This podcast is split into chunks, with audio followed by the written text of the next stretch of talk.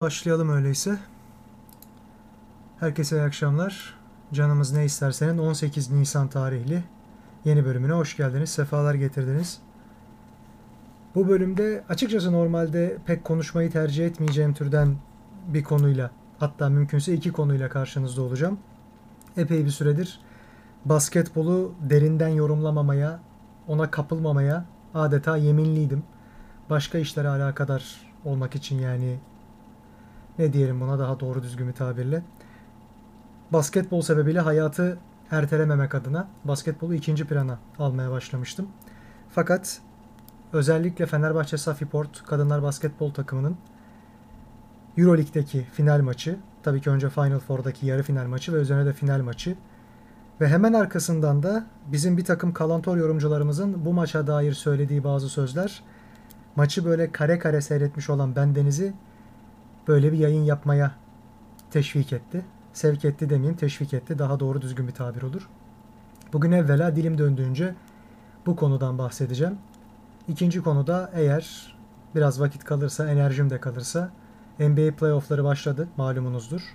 Play-in maçları oynandı. Hemen arkasından eşleşmeler belli oldu. Hatta hemen hemen hepsinde ilk maçlar tamamlandı. Bu noktaya dair yorumlar ve tahminler nelerdir? Hangi takımın ne kadar şansı var vesaire. Biraz da belki bundan bahsederim. Şimdi temelde insanlar Fenerbahçe'nin uzun yıllardır amatör adı verilen diyelim futbol harici şubelere yaptığı yatırımı gıpta ederek takip ediyor. Hatta şöyle söyleyebiliriz. Galatasaray'ın 1990'ların sonlarından itibaren kadınlar basketboluna yapmış olduğu devasa bir yatırım vardı yenilmez bir armada oluşturmuşlardı bir yabancı antrenör eşliğinde. O günlerden bu yana kadınlar basketbolu başta olmak üzere pek çok amatör şubeye profesyonelliği getiren Fenerbahçe Spor Kulübü oldu. Doğruya doğru. Bu noktada tabii ki Aziz Yıldırım döneminin çok büyük bir etkisi var. Burası da gerçek. Fenerbahçe'yi tam bir profesyonel spor kulübü haline getirmek, birden fazla branşta başa güreşen, her daim zirveye oynayan bir takım haline getirmek onların vizyonuydu. Bu kapsamda Beşiktaş'tan sonra kendi salonuna diyelim kavuşan ilk basketbol kulübü de bizim ligimizde müessese kulüpleri içerisinden daha doğrusu spor kulüpleri içerisinden çok pardon müessese kulüpleri farklı bir anlama geliyor. Bildiğimiz spor kulüpleri içerisinden Fenerbahçe oldu. Neyi kastediyorum? 2000'lerin ortasında Beşiktaş akatlardaki o bugün bile kullanılan bildiğimiz biraz iptidai şartlara sahip ama aslında içerisi modern görünümlü olan Sadece koridorları biraz haddinden fazla yanlış mimariyle hesaplanmış. Enteresan bir salon hüviyeti teşkil eden Akatlar Spor Salonu'nu inşa etmişti. Ve onu Beşiktaş basketbol takımına kullanması için hibe etmişti demeyelim ama en azından tayin etmişti. Sonrasında Fenerbahçe'de kendi stadını tamamladı. Şimdi orasının ulaşımı biraz sıkıntılı. Bize çok yakın bir yerde olduğu için alenen biliyorum. Uzun bir süredir metro inşaatı devam ettiği için orada bir takım sıkıntılar söz konusu ulaşıma dair. Fakat tamamlandığı vakit muhtemelen gene bir cazibe merkezi olacaktır. Şimdi bu yatırımların sürmesiyle beraber voleybolda, okçulukta, kürekte vesaire şurada burada mutlaka ki Fenerbahçe diğer bazı spor kulüplerimizden çok daha fazla başarılı oldu. Üstüne üstlük sistematik bir başarı sağladı. Bu noktada tabii ki takdire şayan bir başarı unsuru bu.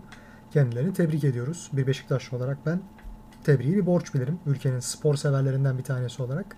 Fenerbahçe bu konuda gerçekten örnek alınması gereken öncü bir harekete imza attı.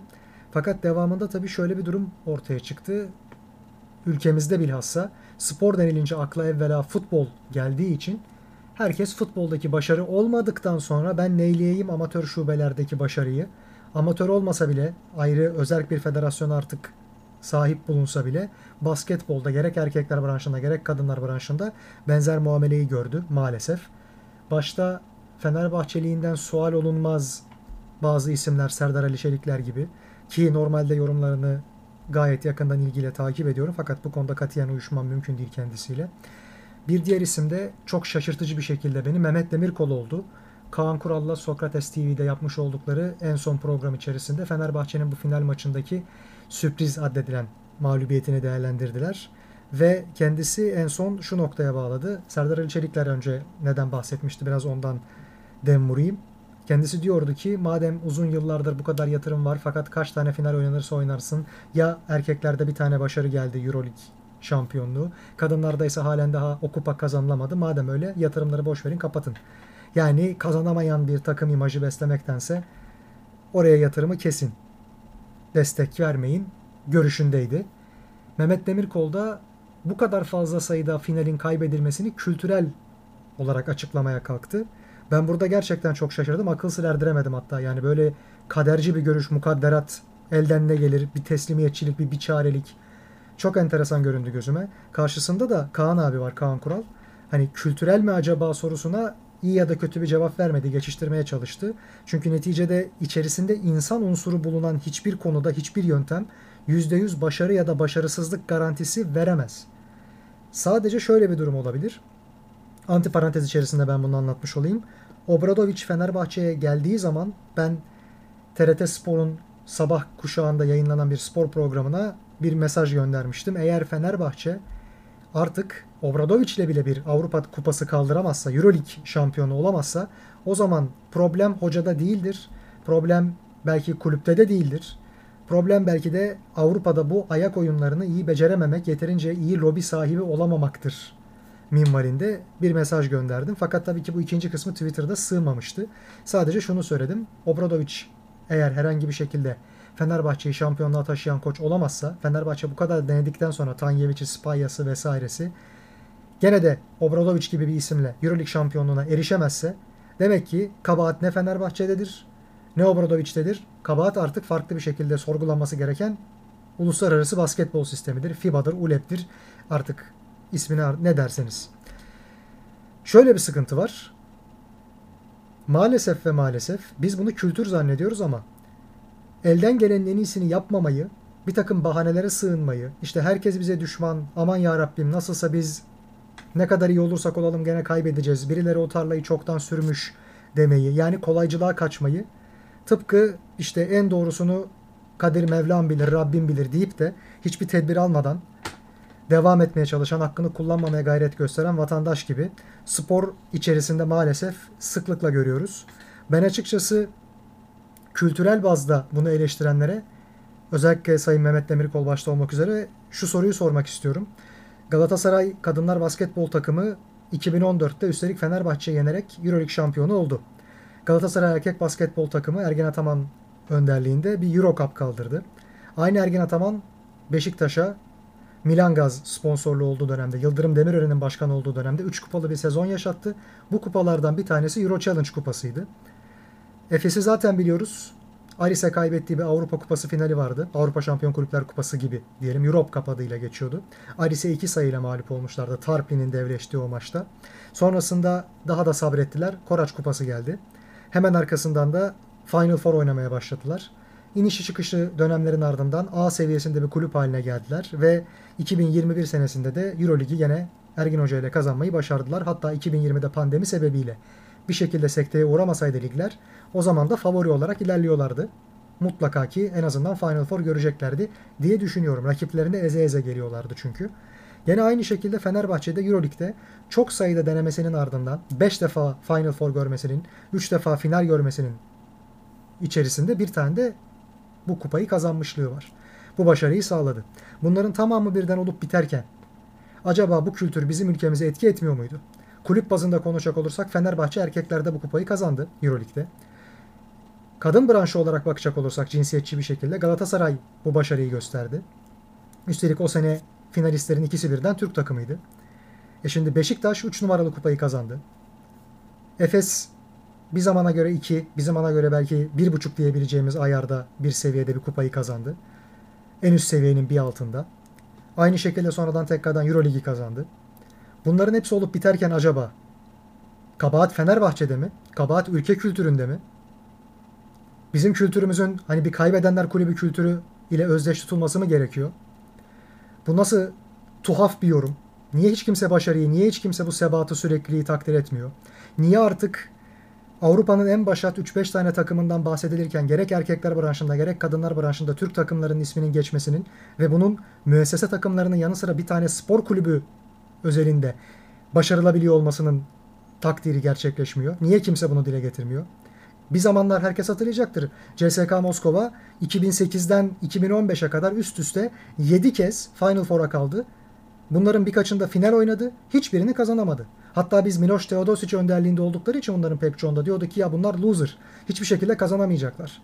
Yani bir yere kadar gelip kaybedecekler mutlaka. İşte asıl kültürel sıkıntı orada mı var? Vesaire konuşmaları var. Ne oldu? Şaibeli de olsa bir finalde Kriyapol son reboundu aldı. 20 sayı kadar ilk yarıda öne geçtikleri bir maçta Fenerbahçe direndi. O sayı o noktada Fenerbahçe'ye gerçekten az sayıda inanan insandan bir tanesi bendim. Yani biz Türk'üz geri gelmeyi çok iyi biliriz diye. Gerçekten de öyle oldu. Şaibeli bir hakem kararı diyelim. Damir Yavor. Ki ben bizzat bir Beşiktaş olarak kampanya başlatmış bir insanımdır o maçtan sonra. Hani tescillensin ya da maçın tekrarı olsun veya Damir Yavor'un hakemliği ellerinden alınsın mümkünse diye. Bu kadar delirtmişlerdi çünkü. O noktadan itibaren CSK bu hasretine son verdi. Sebat etti. Yatırımlarını kesmedi. Devasa paralar akıtmayı da kesmedi. Doğru koçu bulmak için birkaç defa denedi. Evet, Obradovic'in asistanını getirdi. Ve sonrasında muradına erdi. İki yıl sonra bir daha muradına erdi. Efes'i geçerek. Ve o Efes gene aynı şekilde Final Four'un yarı finalinde Fenerbahçe'yi çok üstün bir oyunun ardından yenmişti. Ona rağmen finalde öyle bir üçlük yüzdesi tutturdular ki işte Clyburn, Corey Higgins vesaire canını okudular. Larkin de en iyi dönemini geçirse bile buna çare olamadı ve son 4-5 sene içerisinde iki defa mutlu sona ulaşmış oldu CSK. Öncesinde de Final Four görmüşlüğü çok. Yani Avrupa'nın başat basketbol takımları özellikle de erkekler şubesinde kimdir diye konuşulduğu vakit herkes zaten saydıkları belli. Panathinaikos, Olympiakos Yunanistan'dan, CSK Rusya'dan, iki numaralı takım Rusya'nın hangisi olacak her sene değişiyor. Unix Kazan olabilir, Zenit olabilir. Değişir. Kimki olabilir. Aynı şekilde İspanya, Real Madrid, Barcelona. Bir dönemler İtalya vardı. Şimdi Olimpia Milano ile tekrar dönmeye çalışıyorlar o sahneye. Türkiye'den de Efes vardı, Ülker vardı. Ülker Fenerbahçe ile birleşti. Artık Fenerbahçe orada. Zamanı geldiğinde Galatasaray, Beşiktaş ara ara katılmayı başardılar. Darüşşafaka. Ama bu kadar uzun süreli kalmayı başaranların içerisinde Fenerbahçe ile Efes var. A lisansına sahip kulüpler bunlar. Şampiyon olamasalar bile liglerinde ertesi sene Euroleague'de mücadele etsinler diye devam ediyorlar.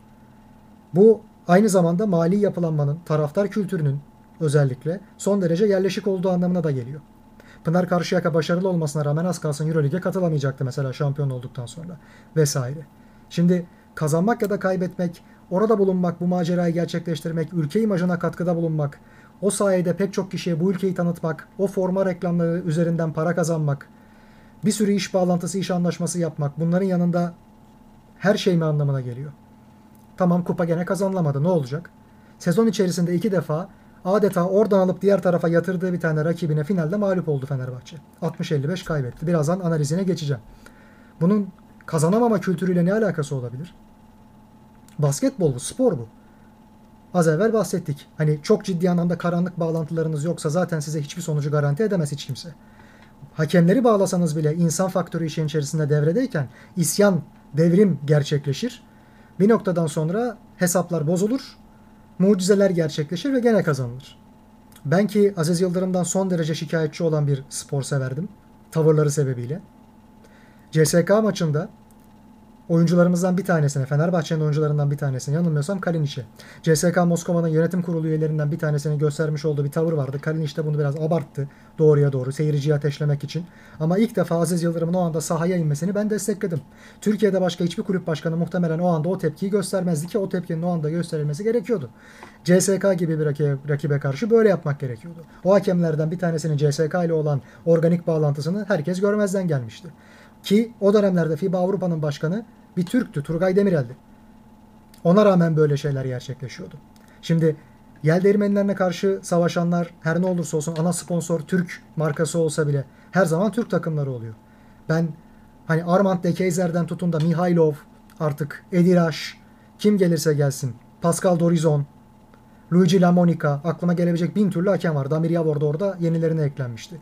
Daima Türk takımlarını doğrayan tiplerdi bunlar. Hakem demeye bin şahit ister pek çoğuna. Ama bunlar bir şekilde devam ediyordu. Carl Jungebrand mesela. Aman ya Rabbim. E şimdi sabretmek, sebat etmek, yolun kıymetini anlamak. Elbette bir yerde o şampiyonluk gelecek yatırımlar kesilmezse. Bu vizyon devam ettirilirse. Bu reva mı görülüyor? Başarısız oldu diye elle kapatmak mı lazım? Ya da gene olamıyor aman ya Rabbim kaybediyoruz. Kesin biz ülke kültürü sebebiyle bu yüzden bu kadar başarısızız. Bizde bir kazanamama sendromu mu var? Bu sorgulama çok tuhaf değil mi? Biz ki hiçbir şekilde başarılı olabileceğimize inanmadığımız bir Eurovizyonu bile sebat ederek 2003'te üstelik İngilizce şarkı söyleyip kazanmış bir ülkeyiz.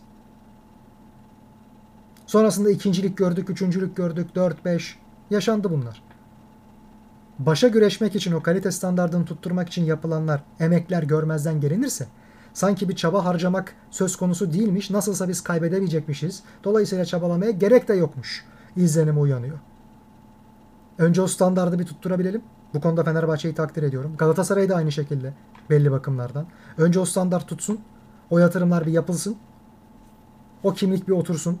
En iyi yabancılar bizim takımlarımıza gelmek istesinler. Sadece para değil bu konuda. Mesela Fenerbahçe basketbol kadınlar takımının Veremeyenka konusunda göstermiş olduğu bir zamanlar muamele, tavır son derece sakıncalıydı. Hamile kalmasının yasaklanması vesaire veya ücretsiz izin şeklinde maaşının kesilmesi, kadrodan atılması gündeme gelmişti. Biz o konuda bir makale yapmayı, yazmayı planlıyorduk. Çok pardon. Kaldı o noktada. Çünkü sözleşmelerine ulaşamadık profesyonel oyuncuların. Fakat neticede günü geldiğinde onlardan da bahsederiz. Şimdi bu yola gelene kadar eğer gerçekten başarısızlık, eğer gerçekten şampiyon olamamak bir şubeden yatırımları kesmeyi gerektiriyorsa Fenerbahçe futbol takımı senelerdir şampiyon olamıyor. Madem öyle bu açıdan bakacak olursak, asli branşımız eğer sadece futbol değilse, futbol başarısız diye futboldan da bütün yatırımlar çekilsin. Herhangi bir takım üst üste iki sene şampiyon olamadıktan sonra ben burada nasılsa olmayacağım, olamıyorum, beceremiyoruz biz desin. Hiç yenilik arayışına gitmesin. Başarı için yeni formüller düşünmesin. Daha kaliteli ekiplerle çalışmasın. Kendini dünya standartlarına göre ayarlamasın. Bunun üzerinden belki başkanlar iş bağlantıları kurmak için vakit kaybetmesinler. Merhabalar yeni gelen herkes hoş geldi sefalar getirdi. Bakınız Tuncay Özilhan, Efes Pilsenken o zaman kulübün ismi. Efes yatırımları sayesinde. Ha, merhabalar. Tevfik dayı sağ olsun dayıcım. Tamam. Beraber bir yayın yapalım.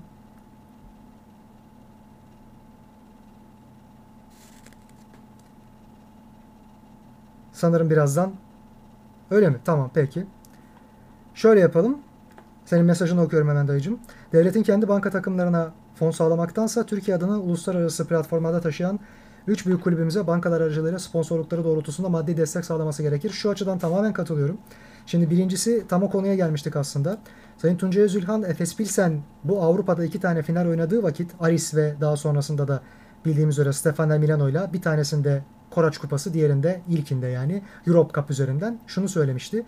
İlki bize bir başka pazarı sağladı. Avrupa pazarında çok önemli yerleri. İkincisi ise Rusya pazarını sağladı. Ben oradaki tanıtımlar üzerinden kurduğum iş bağlantılarıyla basketbola yatırdığım parayı kat be kat kazandım.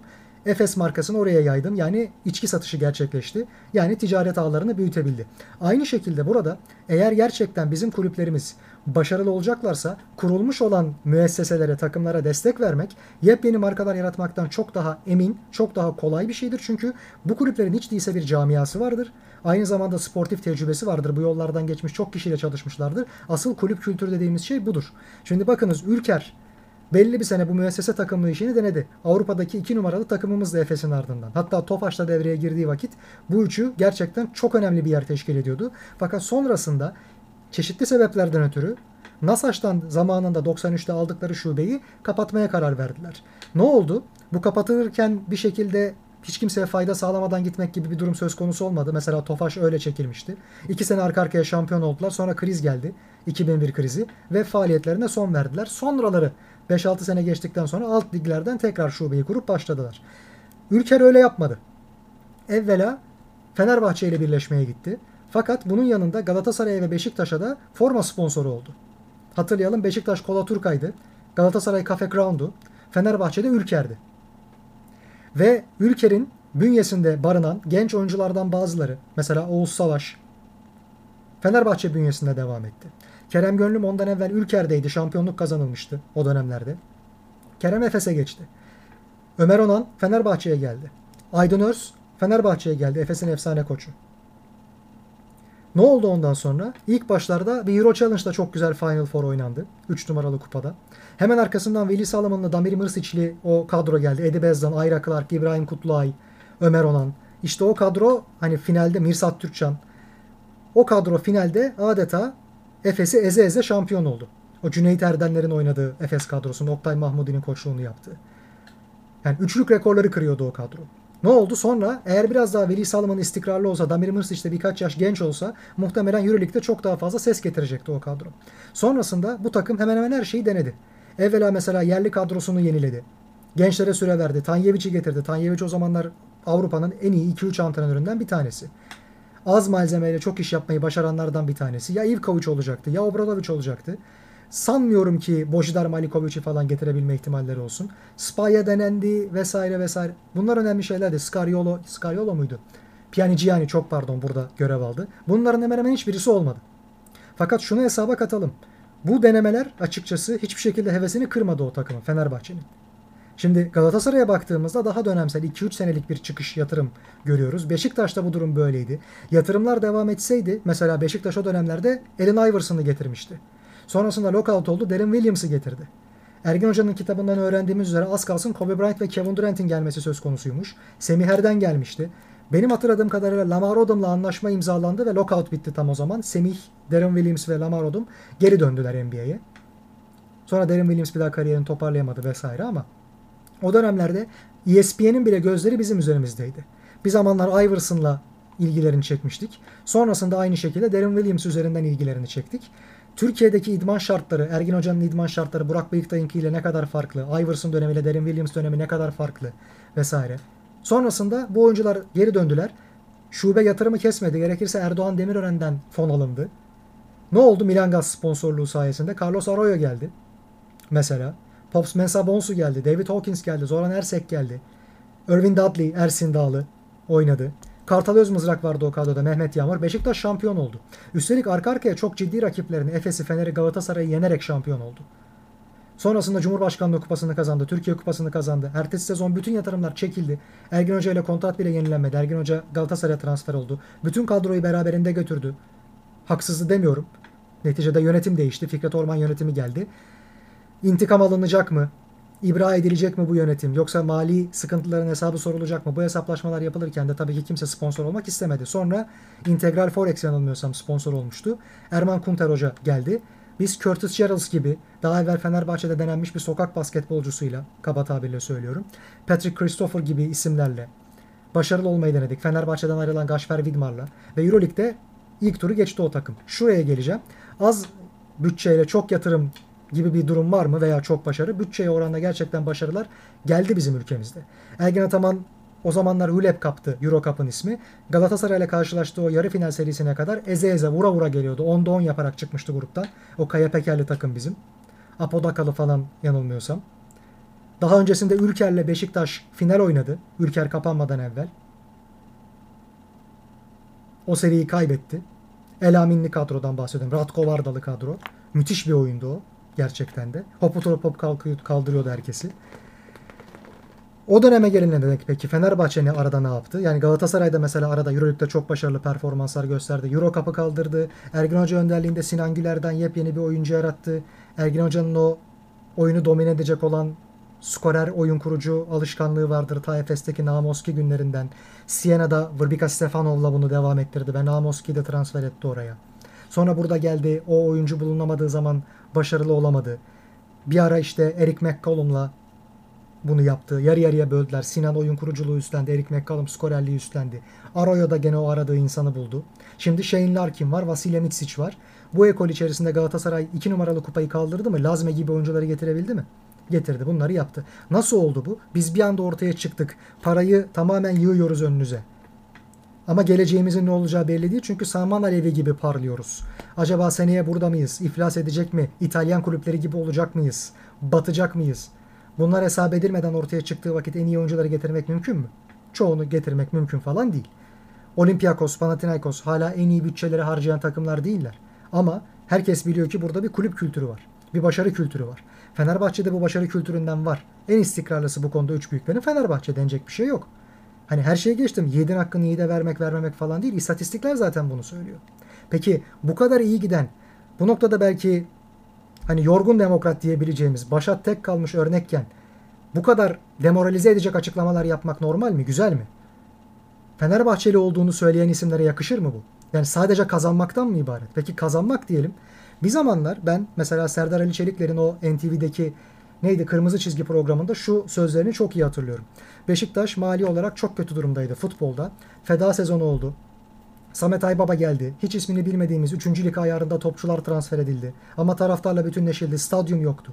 Sonra Slaven Bilic geldi. O oyuncular belki bir kademe, bir klasman daha iyisine değişildi. Yani yerlerine yenileri geldi. Aynı rolü yapabilecek, aynı işi yapabilecek ama bir basamak daha kaliteli oyuncular geldi. Sonrasında Slaven Bilic Hoca ile şampiyonluk mücadelesi verildi. Gene stadyum yoktu. Sonrasında bu gençleri yetiştirdi. Oğuzhan'ına kavuştu. O zamanlar Veli Kavlak vardı aynı şekilde o. Forvet'te denemedik adam bırakmadı. Dembaba'yı aldı. Benzer şekilde parlattı. Mario Gomez'i aldı parlattı. Gol kralı yaptı. Bunların sonrasında ne oldu? Şenol Güneş geldi takıma. Yatırım kesilmedi. Şampiyon olundu. Şampiyonlar Ligi'ne gidildi. Şampiyonlar Ligi'nde namalip şekilde gruptan grup lideri olarak çıkılma başarısı gösterildi en sonunda. Arka arkaya bilmem kaçıncı sezonda. Diyordu ki kendisi. Bu kadar fazla sabretmiş Beşiktaş. Bu kadar fazla yatırımını yapmış. Denemiş, yanılmış, orada yenilmiş ama tecrübelenmiş. Hemen sonrasında belki bir daha geldiği zaman o turlara ne yapacağını çok iyi biliyor. Lyon'la oynadığımız müsabakayı hatırlıyoruz. Fabri'nin bir hatası yüzünden, Atiba ile Fabri'nin birlikte hataları yüzünden kıl payı elendik biz o maçta. Yenildik. Sonrasında penaltılar sonucunda elendik. Rövanş maçında bir gol üstünlüğümüz vardı ama hiçbir şey fark etmedi. Penaltılara geçildi ve kaybettik. Peki ne oldu? Beşiktaş 10 yıllık müthiş bir macerayı başarmış olmadı mı futbolda? Ta feda sezonundan, yokluklardan, imkansızlıklardan başlayarak. Altın Ordu bir günde mi Türk oyuncu yetiştirme merkezi haline geldi? Müthiş bir vizyon. Müthiş bir sebat. Buca'da olmadı denedi, Altın Ordu'da oldu. Başka şekilde futbolcularını aldılar. Birinci lige çıkmak istemiyoruz dendi. Bütün oyunculara kanca atılmasın diye. Oradan Çağlar gibi, Cengiz gibi isimler hiç İstanbul takımlarına uğramadan doğrudan Avrupa'ya transfer oldular. Şu an en iyi liglerde bizi temsil ediyorlar. Halen daha. Galatasaray Avrupa kapılarını açtığı vakit Nöşeter maçlarından sonra kaç defa Kulüpler Kupası'nda, Şampiyonlar Ligi'nde, UEFA Kupası'nda yendi, yenildi. Avrupa'da isminden söz ettirdi. Bir defa orayı bir öğrendi, alıştı. Hakemler üzerinde gerekirse baskı kurmayı da öğrendi. Ben bunların hiçbirisinin çok temiz başarılar olduğunu söylemiyorum. Ama en azından orada bulunmanız lazım ki temiz olmasa bile bir başarı sahibi olmaya gerek bütün camiayı, gerek uluslararası kamuoyunu, futbol kamuoyunu ikna edebilirsiniz. Onlara bunu hazırlayabilirsiniz. Futbolcuların en iyisini çekebilmek de böyle oluyor. Diyecekler ki ben nasılsa her sene başa güreşen, şampiyon olan işte bizim ligimizdeki dört büyükler gibi. Öyle bir takıma gidiyorum. Mutlaka ki ben buradan kendi kariyerimi parlatırım. En üstün başarılara erişirim. Bütün dünya sahnesine ismimi duyururum çünkü uluslararası turnuvalara katılırım. Milli takıma seçilirim. En iyi bonservis bedellerine sahip olurum. Vesaire. En iyi otellerde konaklarım. Bunların hepsi olur. Peki bunlar 10 senelik maceralar. Galatasaray'da futbolda oldu. Onun sonunda UEFA kupası geldi. Sonra Süper Kupa geldi. Avrupa Süper Kupası. Beşiktaş futbolda bunu yaptı. Şampiyonlar Ligi'nde halen daha bu rekor kırılmadı başka bir takım tarafından. Hatta onu geçtim Şampiyonlar Ligi'ne artık belki takım gönderemeyeceğiz. Ülke sıralaması, ülke puanı sebebiyle. Basketbolda benzer şekilde sebat görmeyi hak etmiyor mu? Buralarda yendin, yenildin, finale çıktın. Belki 8. kez oldu. Hiç fark etmez. Toplamda 8 Final Four, 4 final gördü Fenerbahçe kadın basketbol takımı. Başaramamış olabilir. Ne var? Orada bulunması bile yeterince iyi bir şey değil mi? İnsanlar şunu bilecekler ki Ekaterinburg gibi, Prag gibi mesela takımlar WNBA'den en iyi Amerikalıları çekebiliyorlar. Fenerbahçe'de Galatasaray'da uzun süredir bunu yapabiliyordu zaten. Ama Tauraji konusunda mesela sıkıntı çıktı. Kimi zaman yeri geldi ödemeler konusunda sıkıntı çıktı. Bazen yabancıya tercihlerinde çok yanlışlar yapıldı. Böyle böyle bu kulüp tecrübeleniyor. Mesela şu anki koç Lapanya bence Lapenya çok pardon son derece yanlış bir isim. Ligde de gördük zaten. Kupayı da kaybettiler Türkiye Kupası'nı. Ben burada tabii ki Mersin'in başarısını, Aziz Akkaya Hoca'nın kulübünün başarısını küçümsemek için söylemiyorum. Müthiş bir basketbol ortaya koydular. Fakat kadro ve bütçe olarak baktığımız vakit inanılmaz bir fark var. Madem öyle, o kapsamda bakılacaksa Fenerbahçe'nin de CSK'yı zaten yenmesi finalde imkansızdı. Real Madrid'i yenmesi imkansızdı. Olympiakos'la anca başa baş güreşebilirdi. Bunların hepsini Final Four'da da yendi. Yeri geldi üçüncülük maçında da yendi. Normal sezonda da yenmişliği çoktur. Ve neticede o kupayı kaldırdı. O gün ben salondaydım. Görevli olarak çalışıyordum. Sinan Erdem'de. Fenerbahçe Euroleague şampiyonluğunu kazandığında. Çatır çatır oynayarak kazandı. E hiç kimse de hiçbir şey söyleyemez bu noktada aksine. E o Ekpeyudoh'u oraya getirtebilmek, Obradoviç gibi bir ismi oraya getirtebilmek bir günde mi oluyor? Obradoviç Panathinaikos'ta yıllarca çalışmış. Yanna Kopoulos vefat ettikten, daha doğrusu kulüpten elini çektikten sonra oğlu yönetmeyi beceremiyor. Saçma sapan bir tipleme zaten. Abuk sabuk lafları var sürekli. Yani burada ergen uygulamaları açısından konuşacak olursak hakikaten patolojik bir vaka. Yani pedagojik çok pardon bir vaka. Yani Kaç yaşındaki basketbolculara siz bir maçı kazanmazsanız uçak biletlerinizi iptal ederim Yunanistan'a otobüsle dönmek zorunda kalırsınız falan gibi restler çekti. Bazı oyuncular kendisinden daha yaşça büyük ona rağmen yani. yani bu kadar hani üçüncülük muamelesi yapılmaz herhalde ama bu adamın varlığında Obradoviç barınamadı. Hangi takım isteseydi düşünelim o dönemlerde. Real Madrid isteseydi Obradoviç alabilir miydi? Alırdı. Barcelona isteseydi alır mıydı? Alırdı. Belki CSK alamayabilirdi. Araları limoniydi çünkü. Ama CSK'da onun yardımcısını aldı Itudis'i. Peki o dönemde Fenerbahçe o kadar yıl boyunca Tanyeviç gibi bir isimle vatandaşıyla Obradovic'in ve çok önemli bir koçtur Avrupa tarihinde. Ben sevmem o ayrı bir konu. Ama böyle bir ismi istihdam etmiş olarak bir numaralı klasmanda gösterilen koçları, iki numaralı klasmanda gösterilen yabancı isimleri en azından kendi takımına ülkesine getirtebilerek Obradovic'i de buraya gelmeye ikna etti. Çünkü gördü ki Obradovic ya kalıcı bir şey var burada. Ben artık kazanabilirsem burada da 10. şampiyonluğuma kadar belki kazanabilirim. 9'u kazandı onu henüz kazanamadı ama bakalım ne olacak. Kariyerini göreceğiz. Burası yatırım yapar mı? Yapar. Gerardini ile çalışıyorlar mı? Çalışıyorlar. En iyi menajerlerle çalışıyorlar mı? Evet. İstediğim oyuncular gelir mi? Gelir. Taraftar var mı? Var. Bir Oaka baskısı kurabilirler mi Panathinaikos'taki gibi? Daha seviyeli olmak kaydıyla evet. Fakat şunu da hesaba katalım. Maalesef ve maalesef Fenerbahçe'nin basketbol kültürü gelişene dek futbolda başarısız olunduğu için millet basketboldaki heyecana kapıldı da onları desteklemeye geldi. Şu an futbolda tekrardan bir numaraya güreşen bir takımı kurulsa Fenerbahçe'nin belki basket maçlarına kimse gelmeyecek. Yani başarı ihtiyacını karşılamak için birini desteklemek başka, oraya desteğe gelmek başka. Gerçekten oradaki bir sporda biz en kaliteli kulüplerden bir tanesiyiz, en iyi kadrolardan birini kurduk ve her daim başa güreşebiliriz'i hissettirerek kulüpçülük içerisinde bu camia ruhuyla oraya destek vermek başka. Çünkü basketbol, voleybol ve futbol en zevk veren oyunlar içerisinde yer alıyor. Geleneksel oyun bazında konuşuyorum tabii ki yani. Dijital sporlara falan girmiyorum o başka bir konu. Bunların içerisinde şampiyon olsanız da olmasanız da sırf seyir zevki için bile izlemeye gidilir mi? Gidilir. Hepimiz televizyonlarımızı açmak suretiyle bile sadece izliyor muyuz? İzliyoruz. Mutlaka ki destek verilir. Bilet alınır gidilir. Eğer kulübe dair bir destek olacaksa işte hakemi baskı altına al. Orada müthiş bir atmosfer oluştur. Yani futbol stadyumunda ne yapıyorsan aynısını yap. Ama futbolda da basketbolda da voleybolda da sadece başarı varken mi gidilecek? Ya da kulüplerden çok pardon şubelerden bir tanesi çok uzun zamandır başarısız. Aa burada çok güzel bir başarı imkanı var. Üstelik bir takım sporu, üstelik de ülkemizdeki iki numaralı spor branşı. Madem öyle biz buraya gidelim. Bir numaralı adamı getirmişiz Avrupa'da bu konuda. Tamam biz onu destekleyelim. Bunun üzerine şu an başarısız da olsa Fenerbahçe seyircisi gidiyor. Mesela. Futbol stadyumunu doldurmadığı kadar buradaki basketbol stadını dolduruyor ki buranın ulaşımının ne kadar problemli olduğunu şu an biliyoruz. Metro inşaatı yüzünden. Yayının başında da söylemiştim. Buna rağmen bunca sürüncemeden geçildikten sonra sabredilmesi lazım değil mi? Doğru bir vizyonla doğru bir yol ilerlenmiyor mu? Buradan Sayın Serdar Ali söylediği şeyi eleştiriyorum. Beşiktaş 10 yıllık futbol macerası yazmış Feda döneminden başlayarak. Galatasaray işte PSV ile Nöşatel'le falan oynadığı 80'li yılların sonundan itibaren başlayarak UEFA kupasına kadar giden 13-14 yıllık bir macera, bir başarı öyküsü. Bunlar yenilerek oldu, yenerek olmadı. Yerel liglerde şampiyon, hep Avrupa'da uluslararası klasmanda bir tık sonrası. Bunlar hedeflendi. Adım adım, adım adım gelindi. İşte son 8'in, son 4'ün, yarı finalin, finalin kodları çözüldü kolay kolay doğrayamamaya başladı uluslararası lobi, camia vesaire ve şampiyonluk geldi. Hadi biz bunların çok temiz olmadığını düşünelim. Bu başka bir konu. Temiz olmayan işler yapabilmek için bile Avrupa'da kendi isminizi belirtebilmeniz lazım. Küskünün altına gitmemeniz adına. Saman Alevi gibi parlayıp sönen çok takım oldu. Alavesler, şunlar bunlar vesaire.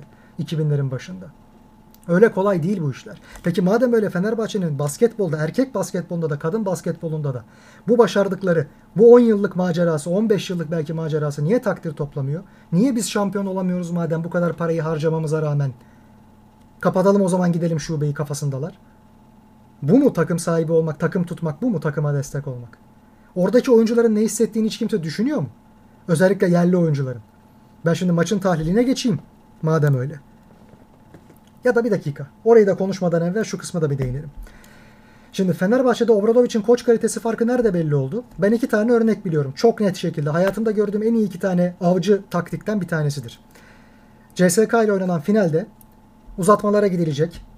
İşte Kıryapa o rebound'u almış. Mucizevi basket. Sonrasında uzatma periyodu. Fenerbahçe'de oynayan çok az sayıda oyuncu var o konuda eli titremeden. Kalinic 4 foul'de. Rakipte de şu an Fenerbahçe'de forma giyen o zamanlar CSK'da oynayan Nando De Colo. Rakibinin o maçtaki bir numaralı silahı. 4 foul. Normalde pozisyonları birbirleriyle aynı değil. Fakat Obradovic müthiş bir karar vererek Kalinic'i De Colo'nun savunmasına verdi. Öncelikle De Colo'yu bu konuda biraz şevklendirecek. Kalinic iyi bir savunmacı. Ya kendisi atılacak ya da De Colo'ya 5. faulünü aldıracak ve De Colo yarış dışı kalacak, maç dışı kalacak. Müthiş bir taktik temelde. Aslında bu tuttu da. De Colo dirseği patlattı Kalinic'in suratına. Hakem görmedi. Çünkü hakem, dam hakem Damirya vurdu. Normalde bu taktik işe yaradı. Çok akıllıca bir taktik. Çok büyük bir kumar belki risk ama Kalinic'i kaybetmekle rakibin De Colo'yu kaybetmesini sağlamak aynı değerde değildi o an için. Kalinic iyi bir savunmacıydı. De Colo'yu gel ben seni nasılsa savunamam psikolojisine sokacaktı. İştahlanacaktı. Saldıracağı yoksa da saldıracaktı oraya. Ki bunu da yaptı. Beşinci faulünde normalde alması lazımdı. Ama Damir Yavor çalmadı. Rakibin en iyi oyuncusu maçı oynamaya devam etti. Birinci taktik bu. İkincisi Olympiakos'un şöhreti meşhurdur. Özellikle Spanulisli kadrolar iş başındayken ne yapılıyordu? Az sayı at ama çok az sayıya, çok sıkı savunma yap, çok sert savunma yap.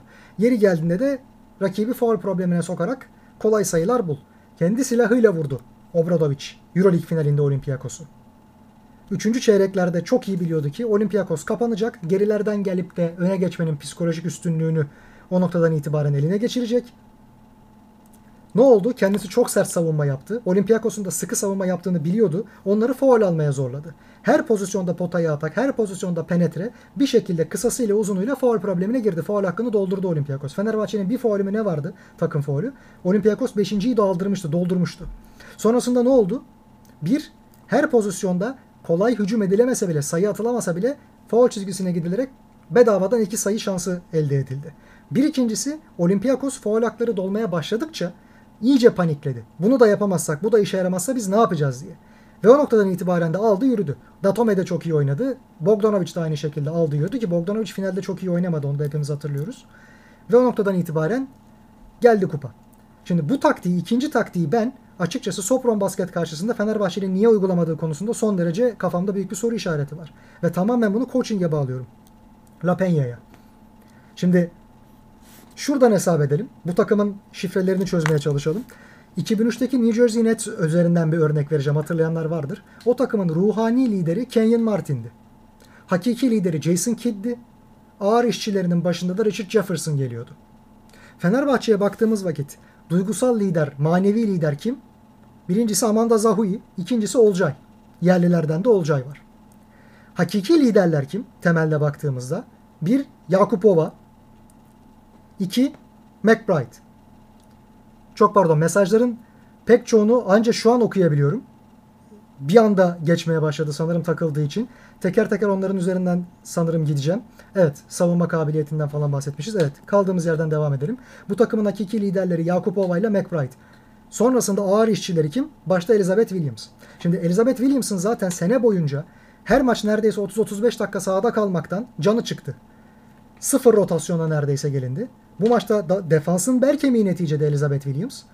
Çok iyi şeyler yapmasını beklerlerken karşısında Hatar var. Kendisinden daha uzun bir pivot. Onun karşısında özellikle ilk çeyrekte iflah kesildi. Sonrasında oyuncu değişiklikleri, rotasyon falan Hatar da bir düşüşe geçti vesaire. Fenerbahçe kötü savunma yapmadı bu arada. Onu söyleyeyim. Çok pardon Hartley hariç. Hartley hakikaten çok kötü bir kısa savunması yaptı. Şuradan anlayabiliriz. Fegi Verneki hayatının maçını oynadı rakipte. Hiç ben böyle bir maçını seyretmemiştim hanımefendinin. Tıpkı yarı finalde Prag takımı USK Prag'da Teya Oblak var. Benim en çok eleştirdiğim insanların başında gelir. Hele ki milli takımda hayatının maçını oynadı. Buna izin veren de Fenerbahçe'nin kısa savunması. Peki buna rağmen Fenerbahçe ne yaptı? İlk çeyrekte bitime 2,5 dakika kalana dek sayı bulamadı. Buna rağmen potaya penetre edin. Rakibi faul problemine sokun. Böylelikle bireysel faul sayıları da artsın. Faul yaparken çekinmeye başlasınlar. Takım halinde sert savunma yapmak onların tek silahıysa bize karşı ki Fenerbahçe çok iyi bir hücum takımı. Kadınlar basketbolunda şu an. Biz bu silahı da onların elinden nasıl alabiliriz? Onları panikleterek yani sürekli olarak yaptıkları sert savunmada faul aldıracağız onlara. Hem bedavadan sayı imkanımız olacak hem onları panikletip sürklase edeceğiz. Ya bu takımı Fenerbahçe sezon içerisinde kaça kaç yenmiş iki defa oynadılar. Skorlarını buraya not aldım. Biri 73-47, diğeri 82-59. Yani Allah rızası için akıl mantık alır bir şey mi normalde? Ha neye benzetilebilir bu? Olympiakos az evvel bahsettiğim taktikle CSK'yı 2012'de yendi. CSK'nın rüya takım kadrosu. Kristic'ler, Andrei Krylenko'lar, Kryapalar vesaire, Teodosic.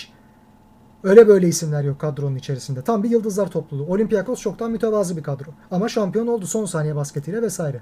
Printezis'in. Sonrasında hemen arkasındaki sene çok benzer bir kadroyla bu sefer Real Madrid'i yenip şampiyon olmuşlardı. Şimdi bu mucizeler basketbolda her türlü spor dalında mutlaka ki var. Ama Fenerbahçe'nin burada Sopron'a karşı hiçbir şey yapamadan paralize olmuş gibi davranmasını benim aklım almıyor. Ben burada maalesef bunu koçun hanesine yazmak durumundayım. Hele ki ya şimdi yeri geldi madem söyleyelim. Ya Yakupova milli takımlarda da bildiğimiz üzere senelerdir Türkiye Ligi'nde de seyrettiğimiz üzere penetre edebilecek en sağlam yapıya sahip Avrupa'nın penetre kraliçesi.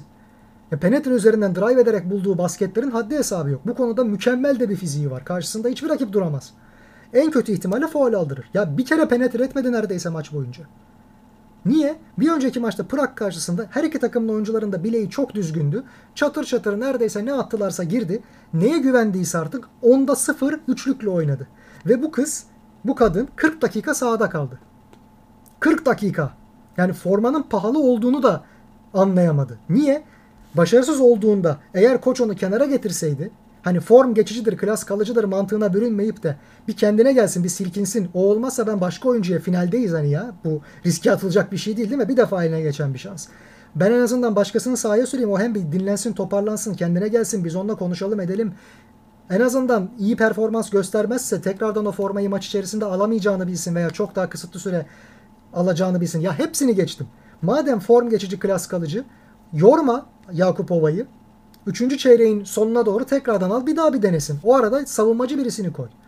Çünkü Satu Sabali'yi koyuyorsun rakibin Gebe Williams'ın önüne. Gebe Williams gene Satu Sabali'nin savunma zaafları yüzünden hayatının maçını oynuyor. Ama Fenerbahçe savunma olarak totalde kötü değildi. Sadece rakip daha iyiydi. Yani rakip de kötü, Fenerbahçe daha kötü maalesef.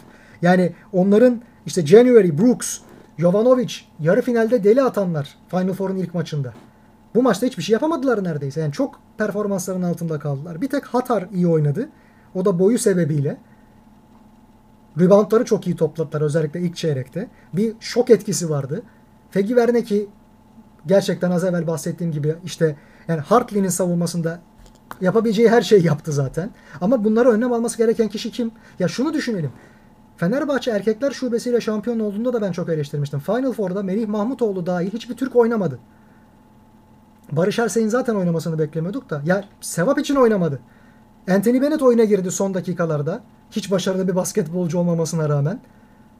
Melih yani şey için mi sembolik bir değer olsa bile alınmadı. Bu kadar saçma sapan bir şey olabilir mi? Aynı şey maalesef burada da gerçek. Yani Olcay'ı biliyoruz. Olcay takım kaptanı zaten. Çok da iyi performans gösterdi. Amanda Zahui ile beraber takımın 3. çeyrekte geri gelebilmesinin yegane sebebiydi. Yegane sebebiydi.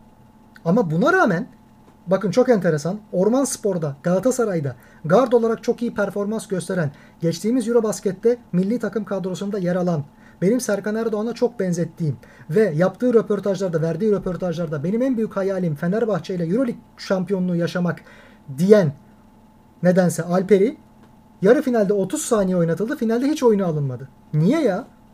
Niye abi? Yani bu insanlar bu kadar mı? Bu rotasyona giremeyecek kadar mı kötü oyuncular? Madem öyle Fenerbahçe niye transfer ediyor bu oyuncuları? Hadi Stokes yok oynayamıyor onu biliyoruz. Tuğçe Canates uzun. Niye almıyorsunuz dinlendirmek için? Sayın koç. Niye Manolya Kurtulmuş oynamıyor? Ya bunlara neticede bu insanlara Türk milli takımı emanet edilecek bir iki sene sonra. As oyuncu olarak. İlk 5'te çıkan oyuncu olarak. Niye onlardan da bir Olcay performansı gösterme şansını esirgiyorsunuz? Biz Alperen'in istediği zaman ne kadar iyi skorer olabildiğini biliyoruz. En çok eksikliğini çektiği şey şu an Fenerbahçe'nin skor. O maç içerisinde konuşuyorum tabii ki. Üstelik hayali bu. Ya bırak hayalleri tehlikede olan, hayallerinin peşinde giden, bunun uğruna savaşan bir insandan herkes korkar. Herkesin korkması gerekir, herkesin de saygı duyması gerekir eğer aynı tarafta mücadele ediyorlarsa. Bunu esirgediler. Ve Hartley ne yaparsa yapsın devam etti oyunda kalmaya. Yani bu takımdaki bench'teki oyuncuları da isyan ettirecek bir şey. Bu mu kazanma kültürü böyle mi gelecek temelde baktığımızda? Bu kültürel bir şey değil. Bu tamamen yanlış tercih. Bu tamamen koçun sıkıntılı yaklaşımı.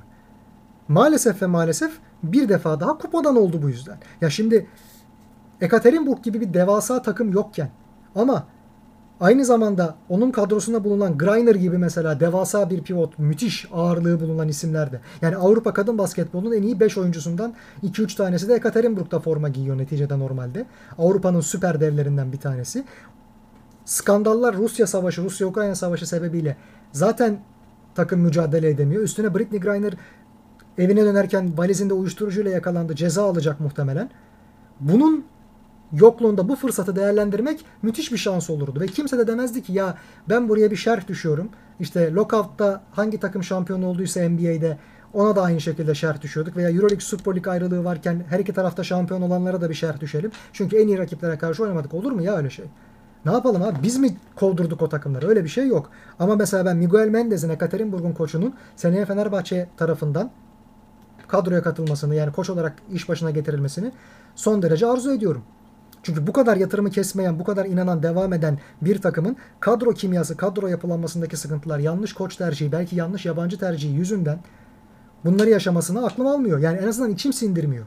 Her şeyden evvel ya ben Yakupova'ya hakikaten akıl sır erdiremiyorum.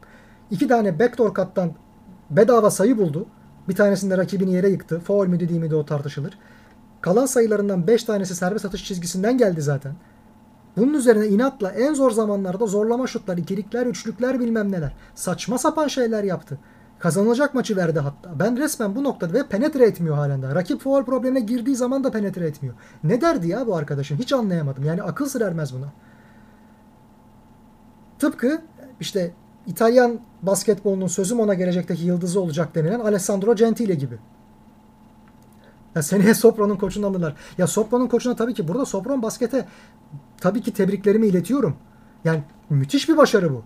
Sezon içerisinde iki defa sizi tarihi farklarla yenmiş olan bir rakibe karşı finalde hele ve onların seyircisinin önünde bu performansı göstermek, onları şoka sokmak falan nereden bakarsanız bakın müthiş yani gerçekten olağanüstü bir başarı. Ama bu aynı zamanda Fenerbahçe'nin hanesine yazması gereken bir başarısızlık. Onların üzerine oynayıp faul haklarını doldurmak için, başka ellerinde silah yokken onları panikletmek için, biz savunmayı da yapamıyoruz. Hepimiz 5 faul oyun dışı kalacağız. Veya ne yaparsak yapalım bunlar faul aldırmayı beceriyorlar. Çok kaliteli skorerleri var. Çoklu silah sadece şuta bel bağlamıyorlar. Zaten kadın basketbolunda şut ortalamaları üçlüklerde %40'lara kadar gelebilmiş değil. Çok mucizevi bir yüzde onlar. Zaten her attığınız 3 tanesinden anca bir tanesi girecek. Bunu biliyoruz. Buna rağmen zorluyorlar. Birden fazla silahları var. Biz eşleşemiyoruz. Bir şekilde sıkıntı var. Ne yapacağız? O zaman daha da panik olup bir hararetle, bir heyecanla daha da fazla faul yapacaklardı. Sonra iyice oyundan kopacaklardı. Kopartacaktı Fenerbahçe maçı. Bunu Yakupova yapmadı. Ha McBride zaten iğrenç bir performans. Yani sahada yoktu ama zehirlendiğine dair maçtan evvel bir takım söylentiler çıktı. Yani bir yere kadar bu anlaşılabilir. Ama Amanda Zahui'nin hele ki yarı finalde yarı finalde de çok iyi bir basketbolda ortaya çıkmadı Fenerbahçe. Zahui sayesinde geri dönüldü. Ondan sonra takır takır basketbol oynandı. Bu şok etkisi maalesef ve maalesef finalde de onları buldu. Ben açıkçası çok üzüldüm. Niye ülkeme bir kupanın daha gelmesini istemeyeyim?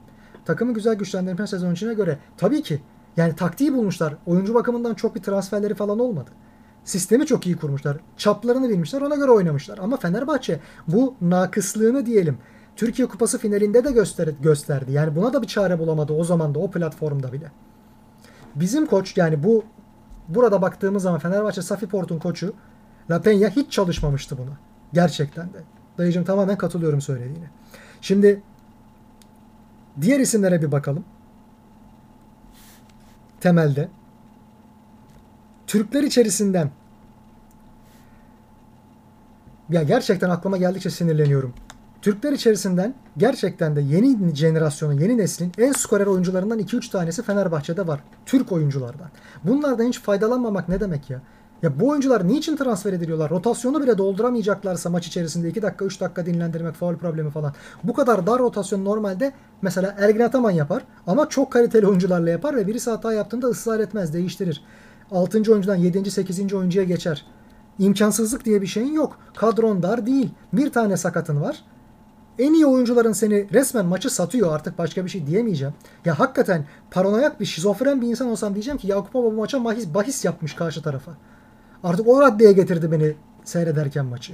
Böyle saçma sapan bir iş olur mu ya? Ama maalesef ve maalesef bunlara rağmen halen daha spor programlarında konuşanlar Fenerbahçe seyircisi de zaten takımı kadar panik oldu, şok oldu. Maçın içine giremedi, destek veremedi. O ruhu, o atmosferi yarı finaldekini göremedik. Nereye göremedik? Ben maçı seyrettim. Avaz avaz bağırıyordu herkes. Olcay yapacağını yaptığı zaman. Amanda Zohii elinden geleni yaptığı zaman. Amanda Zohii'yi herkes şey zannediyor. Yani Yakupova zannediyor. Değil. Yakupova'nın yapması gereken şeyleri biraz biraz o yapıyor. İşte takımı alevlendiriyor ya, ateşlendiriyor. Daha ne yapsın? Hadi ayağa kalkın ya diyor kızlar diyor. Bu konuda çok... Kardeşim hoş geldin, sefalar getirdin. Ya şöyle söyleyeyim. Ben gerçekten de bazı şeylerin ben bastırırım parayı, getiririm en iyisini, kurarım en iyi kadroyu ve başarılı olurum mantığından çıkması gerektiği kanaatindeyim. Bunu artık gerek Fenerbahçe, gerek Galatasaray, gerek Beşiktaş, gerek bizim bütün spor camiamız, gerek federasyon anlayamadıysa onlara bir daha söyleyelim. Önemli olan varış noktası değildir. Yolculuğun, yolun ta kendisidir.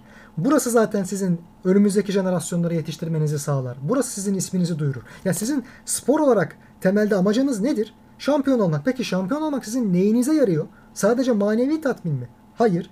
Maddi tatmin olarak bakacağımız zaman ya burada verilen ödüller erkekler branşında da kadınlar branşında da Euroleague'de komedi seviyesinde. O zaman siz bunu niye yapıyor olabilirsiniz?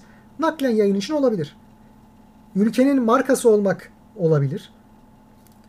Bu yolla kurduğunuz ticari işbirlikleri sayesinde kulübün ve yöneticilerin her kim varsa işte onların hatta belki oyuncuların hatta belki koçların, menajerlerin PR'larını ve iş bağlantılarını, servetlerini genişletebilmek olabilir. Madem öyle niye bu şubenin kapanması veya desteği çekilmesi falan gündeme geliyor? Ben bunu anlamakta son derece güçlük çekiyorum. Yani bir takımın taraftarı olmak, Galatasaraylı olmak, Fenerbahçeli olmak, Beşiktaşlı olmak sadece kazanmak mı demek? Örneği tekrarlıyorum. Fenerbahçe'nin futbol takımı 7 senedir şampiyon olamıyor. Hatta 8 sene mi oldu artık? Madem böyle futbol takımını da kapatalım. Başarı tek ölçüt olarak baktığımızda eğer şampiyonluksa. Böyle mi oluyor bu iş? Şu an Fenerbahçe'nin ismi gerek erkekler gerek kadınlar basketbolunda, voleybolunda dünya üzerinde parmakla gösteriliyor. Gıptayla bakılan bir model. Bunu bu şekilde hiç kimseye yedirtmemek lazım. Rapenya'nın doğru tercih olduğunu düşünmüyorum. Fenerbahçe'nin tüm branşlarında antrenör, koç seçim hataları bariz. Demek ki yönetimde problem var. Net yönetemiyorlar. Madem öyle şunu da söyleyelim. Bana kalırsa yönetmiyorlar. Yani yönetmek gibi bir istekleri yok. Ya anlayan kişileri başa getirmiyorlar. Ya da zaten getirmek gibi bir niyetleri yok. Arada başka bağlantılar var. İşte menajerler, transferler, oyuncular vesaire üzerinden para kazanmak. Varsa başka türlü işler vesaire. Yani günah boynuna. Ama bu kadar da göz göre göre kör gözün parmağına gidilmez. Lades denmez yani. Bu başka türlü bir şey. İki, şimdi Fenerbahçe normalde şu aşamada bu sezonu iki kupayla devam ettiriyor olabilirdi. Her ikisinde de çok yaklaştı. Bir tanesinde ben açıkçası bu arada Mersin Basket'in Aziz Hoca'nın takımının Sopron Basket'e kıyasla daha fazla hak ettiği düşüncesindeyim. Final maçlarını mukayese ettiğimizde. Fenerbahçe'yi çok iyi çözdü. Bu tarafta baktığımız zaman Mersin Fenerbahçe'yi gerçekten çok iyi çözdü. Sopron'da durum öyle olmadı. Fenerbahçe kendi kendine çözüldü. Yani buna alternatif silahı yok. Aman ya Rabbim çaresiziz biz ne yapacağız diyeceği bir ortamda değildi. Kendi kendine bir şeyleri mahvetti. Özellikle Yakupova önderliğinde. Ama onu 40 dakika boyunca oyunda tutup hiç kenara getirmeyen koçta hiçbir kabahat yok. Enerji piyasası buna hazır değil. Peki dayıcım. Ya zaten muhtemelen yarın daha canlı yayında konuşacağız. Sevgili Murat Soy'dan dostumun programında TVNet'te. Bu yeni biliyorsunuz spor kulüpleri yasası geliyor ve federasyonları da bağlayan aynı şekilde bir yasa. O noktada bazı şeyler gerçekten farklı bir konjonktüre teslim edilebilir. Ama biz hala hazırdaki ortamı konuşmayı sürdürelim.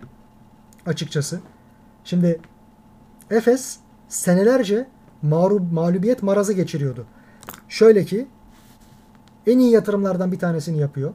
Lokomotif takım temelde. Bir müessese kulübü olarak belki taraftarları yok artık. Niye? Çünkü spor kulüpleri de işin içerisine girmiş ve spor kulüpleri bir zamanlar yok diye en başarılı basketbol takımını destekleyen Türk seyircisi de kendi takımlarını desteklemeye başlamış. Buna rağmen David Blatt'i getirdi, Ivkovic'i getirdi, bazı çok kaliteli oyuncuları transfer etti. Gerek gençlere yatırım yapmak gerek başka türlü. Altyapısını falan hiç kapatmadı. Bir noktadan itibaren Final Four'lar oynandı. Üst turlara kalındı. Ama onlarda da işte Thomas Hörtel'in transferi vesaire gibi bir takım her şeyi bozan eylemler gerçekleşti vesaire. Ama sonrasında doğru bir koç, taraftar grubunun artık kendisiyle bütünleşmesi, bir camia oluşturulması, doğru transferler, hakemlere kendini doğratmayan oyuncular veya koçlar, doğru yerde tepkiyi koymasını bilen. Bu Fenerbahçe'de de vardı aynı şekilde. Obradoviç bir numaralı koçtu bu konuda. Ama ona rağmen şunu da unutmayalım. Real Madrid'le eşleştikleri Madrid'deki Madrid'in 20 yıl aradan sonra ilk kez şampiyonluğa ulaştığı ve zaten bu yüzden Madrid'in güle oynaya başa çıkartıldığı, hakemler tarafından da kullandığı o Final Four'da doğradılar hakemler Fenerbahçe'yi. Ha Bielitsa çok kötü oynadı. Andrew Gadalak maç sonuna doğru bir coştu vesaire ama artık ne fayda. Real gerçekten orada hem oyun olarak üstündü hem de hakem olarak üstündü. Bilmem anlatabiliyor muyum?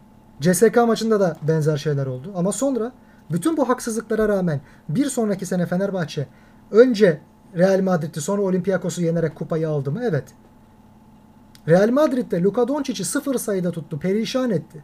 Ben o gün söyledim. Doncic bundan ayağa kalkabilirse, silkinebilirse, bir şekilde kendine gelirse en büyük olur. Yazımda duruyor halen de. Hakikaten de en büyük oldu. Sonra zaten Euroleague şampiyonluğunu da kazandı. Final Four MVP'si seçildi vesaire. Şimdi bu kadar fazla yenmek, yenilmek vesaire üzerinden bakacak olursak tam tersine. Tam tersine gitmemiz gerekir. Çünkü şampiyon olamadığımız her sezon takımı tasfiye edip kulübün kapısına kilidi vurup terk edip gitmemiz gerekir. Ne demek ya? Kendi paramıza rezil oluyoruz mantığına geliyor maalesef bir yerde bu. Kendi paranla rezil olmuyorsun. En büyük bütçeleri harcayıp en iyi kadroyu kurup sıfır çekmiyorsun. Final oynuyorsun. Yarı final oynuyorsun. Final Four'da mücadele ediyorsun. Dünyanın, Avrupa'nın en iyi basketbolcuların, Türkiye'nin en iyi basketbolcularını transfer ediyorsun. Çünkü seni tanıyorlar, sana gelmek için can atıyorlar. Ha bu yeni yetme, üçüncü sınıf bilmem ne bir kulüp değil. Bir senelik bir macera değil bu. Bunu biliyorlar. Burada oynamak için yol gözlüyorlar. Ödemelerinde sıkıntı çıkarmıyorsun. Bütün mali problemlere rağmen. Bunları yapan bir kulübe ya bu kesin kültüreldir. Artık bu kadar mağlup olmayı başka şekilde açıklayamayız. Demek ki bizim kazanma kültürümüz yok diye açıklamak 30 yıllık bir spor yorumcusuna yakışıyor mu? 30 20 küsur yıllık en azından Fenerbahçe aşığı olduğu söylenen bir spor yorumcusuna yakışıyor mu? Kulübü kapatıp gidelim, yatırımları keselim, amatör şubelerden sadece okçulukla boks kalsın, geriye kalanlara zerre kadar para harcamayalım falan diye. Ya burası bir spor kulübü. Her şeyden evvel. Futbol kulübü değil. Ayrıca şunu unutmayalım. Kadınlar basketbolu, erkekler basketbolunun bile yapamadığını yaparak olimpiyatlarda kaç defa bizi temsil etti. Şampiyonların pek çoğunda erkek basketbol takımımıza kıyasla çok daha az saçmaladı, çok daha başarılı dereceler elde etti. Buna rağmen dünyada kadın basketbolunun reytingi daha az olduğu için komik paraları oynuyorlar halen daha. WNBA'de de böyle, burada da böyle. Hatta burada WNBA'ye kıyasla daha fazla para veriliyor onlara. Temelde. Sadece orası Amerika olduğu için mecburen gidip oynuyorlar. Dayıcım katılıyorum söylemine. Aziz Hoca ile asker arkadaşı olduğunu söylemişsin. Tespitlerine, teyidine çok teşekkür ederim bu arada onu da söyleyeyim. Yani sözün özü şu. Bu takımın güzel bir nüvesi var. Satu Sabali'den forvet yaratmaya çalışıp da rakip forvetlere cenneti vaat etmek hatalı bir tercih mi? Evet. 4 numaraya çekilir belki. Savunma beklenmez muhtemelen. Ama ben yani şu noktadan itibaren Kabahati Satu Sabali gibi isimler de bulamam ya. Ya kusura bakmayın biraz dilim sürçüyor konuşurken ama sinirleniyorum. Sabali'nin ne olduğunu kendisi de çok iyi biliyor. Koç da çok iyi biliyor. Buna rağmen Sabali'den halen daha skorer forvet yaratmak. Forvet ki şu an Avrupa basketbolunda en skorer oyuncuların bulunduğu yer. Alba Torrens'lerin vesaire tabi artık oynamıyor sayılır da Torrens. En iyilerinin orada bulunduğu mevki. Tauracilerin bulunduğu mevki. Orada iyi bir savunmacı olmazsa ona hayat yok. Takıma da hayat yok. Bunu bilmesine rağmen aynı şeyde ısrar eden koç kabahatli değil midir? Kabahatlidir. Yakupova'yı böyle bir haldeyken penetre et diye kulağını çekmezsen, ikaz etmezsen, tavsiyede bulunmazsan veya kenara alıp silkelenmesine yardımcı olmazsan ya da dinlendirmezsen kaçırdıkça açılacak mı bu insan? Yoruldukça daha mı iyi oynayacak? O zaman sen nasıl bir antrenörsün? Ya hiç Türk oynatmadı zaten başlı başına bahsettiğim gibi bir skandal. Bunu, bu insanlar bu maçta 2-3 dakika kadar forma şansı bulabilecek kadar da mı iyi değiller? Ya biz biliyoruz bu oyuncuları. Ya bir zamanlar maalesef Aziz Yıldırım'ın politikası vardı. Aziz Yıldırım şöyle yapıyordu. Anadolu takımlarında çok iyi performans gösteren bireysel oyuncuları alıyordu. Gökhan Emreciksin, Deniz Barış, Mehmet Topuz vesaire. Ya başkalarının onu transfer etmesini engelleyerek rakiplerini baltalıyordu bu şekilde ya da yedek kulübesini güçlendiriyordu ama oynatmıyordu. Böylelikle bu oyuncuların parlamasının da önüne geçiyordu. Daha iyi bir kariyer sahibi olmasının ama yedek kulübesini de bir şekilde kuvvetlendiriyordu. Yani bir sıkıntı çıktığında az kadroda ha bakın yedekten size en iyisini sokuyoruz yerli oyuncuların. Oyuna en iyisi geliyor. Özel urmacılar şunlar bunlar vesaire. Şimdi bu kadro böyle mi kuruldu? Kadın basketbol kadrosu. Bunu mu anlamamız lazım? Ya kendi oyuncusunu bu kadar fazla tanımayan bir antrenör olabilir mi? Ya şimdi ne hissediyordu kimdir o zavallı oyuncular? Zavallı diyorum çünkü gerçekten zavallı konumuna sokulmuş durumdalardı o maçta. Neyse. Özetle açıkçası birkaç tane farklı unsura karşı mücadele ede ede, ede ede, ede ede bir yere geldi bu ülkenin sporları, spor branşları. Futbolu, basketbolu, kadınlar basketbolu, hatta belki kadınlar futbolu şimdi. Kadınlar voleybolu aynı şekilde. Ama bir defa şampiyonluk gelmedi. Kaç senedir yatırım yapıyoruz, final görüyoruz ama bizden olmayacak galiba ya biz kapatalım gidelim demek. Bu mu? Bu mu spor severlik bu mu? Hadi onu geçtim. Taraftarlık bu mu? E Fenerbahçe'nin ona bakarsak Çetin Hoca ile yakaladığı o 91 şampiyonluğundan sonra 2006'ya gelinene dek gene şampiyonluğu yoktu. 91'den evvel kaç tane şampiyonluğu vardı Fenerbahçe'nin basketbolda? Hatta o sezon Çetin Yılmaz Hoca'nın o kadroyla şampiyon olması son derece büyük bir devrimdi. Ha kıymetini bilmediler, küstürdüler, ülkere gitti, başka yerde çalıştı vesaire. Ama camianın bu baskısı, bu beklentisi, şimdi dayıcım sen de çok iyi hatırlarsın, 99'daki o rüya takımı oluşturttu.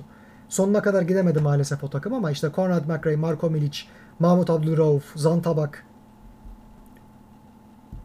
o senenin şampiyonu olan Jalgiris'in mağlup olduğu tek takımdı yanılmıyorsam. O seneki Avrupa Ligi'nde. Sonra ne oldu? Yatırımlar çekildi. Yatırımlar çekilince ne oldu? Başarı tekrardan mı geldi?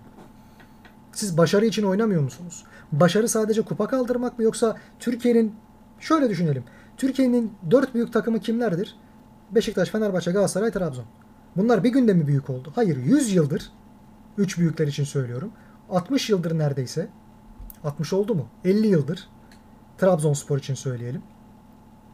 Bu takımlar her sene şampiyonluğa oynayarak umumiyeten hani çok sayıda şampiyonluk kazanarak kendi büyüklüklerini zaten ispat ettiler.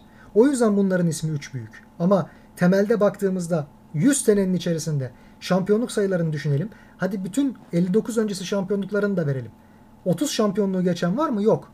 100 senenin içerisinde 30 şampiyon. Yani her 3 yıldan bir tanesinde de şampiyon olamamış hiçbir kulüp. Bu istatistiği zaten yakalayamıyorlar. Ona rağmen niye herkes takımını tutuyor? Yani bu bilinmeyen bir hadise değil. Art niyet arıyorum ben bunda bir noktadan sonra. Ve teessüf gösteriyorum.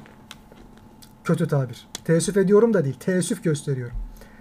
Ya herkes Hollanda milli takımı için söylerdi futbolda. Finale kadar getiriyorlar işte 78'de getirdiler. Kaçtı ondan sonra? 82'de mi?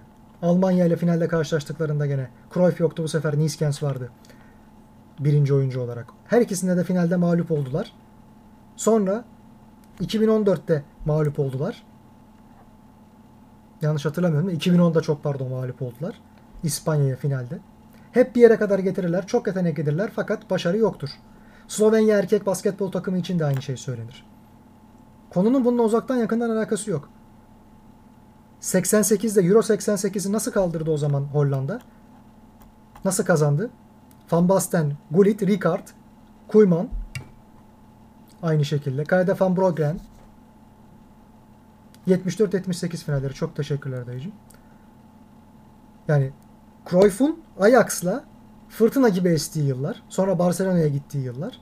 Hollanda final oynadı. 78'de Cruyff milli takıma gelmedi anlaşmazlıktan dolayı. Bu kez Nieskens bir numaralı yıldızdı. Kiezer falan vardı aynı şekilde. Gene final gördüler. Bir defasında işte top direkten döndü normal sürenin içerisinde kazanamadılar vesaire. Ya bunları çok iyi konuşuyoruz da Hollanda çok iyiydi de karşı tarafın eli armut mu topluyordu? Arjantin'de Kempes. Hadi Junta'yı falan kabul ettik. Eyvallah. Tamam. Bir artı etkisi var. Kempes diye bir oyuncu vardı. Pasarella falan vardı o kadroda. Leopold Luque vardı mesela.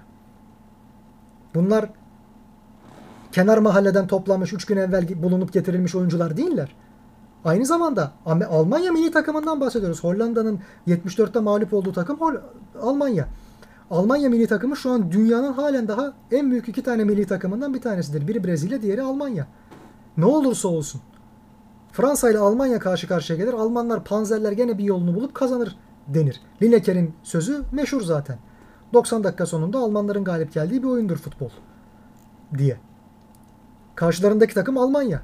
Karşılarındaki takım Arjantin, Kempes'li kadro. Hollanda kazanamadı. Demek ki mağlubiyet bunların genetiğinde var. Bir yerde kazanma kültürleri yok. Ya karşılarındaki takım o zamanlar dünyanın en iyi iki tane takımından bahsediyoruz. Bırakın da biraz yeterince iyi olmadığı için kaybetsin Hollanda. Aynı şekilde 2010'da da karşılarında İspanya var. Bir önceki Avrupa şampiyonu, bir sonraki Avrupa şampiyonu olacak hatta. Kadroyu şimdi saymaya kalksak ancak sabaha kadar anca bitiririz. Yıldızları hesaba katarak hani Xavi'si, Iniesta'sı vesairesi. Adam akıllı bir sağ açıklar oynamadan oyun, o kaç zaman turnuvalarda boy gösterdiler. Joaquin'le Del Bosque atıştığı için. Pardon Aragones atıştığı için. Ona rağmen İspanya dünyanın bir numaralı takımıydı. Hollanda'da belki 2-3 numaralı takımı. Hollanda kazanamadı. Karşı taraf kazanmıştır belki. Biraz o açıdan bakalım. Hollanda yeterince iyi olmadığı için kaybetmiştir. Fenerbahçe burada yeterince iyi olmadığı için kaybetmiştir.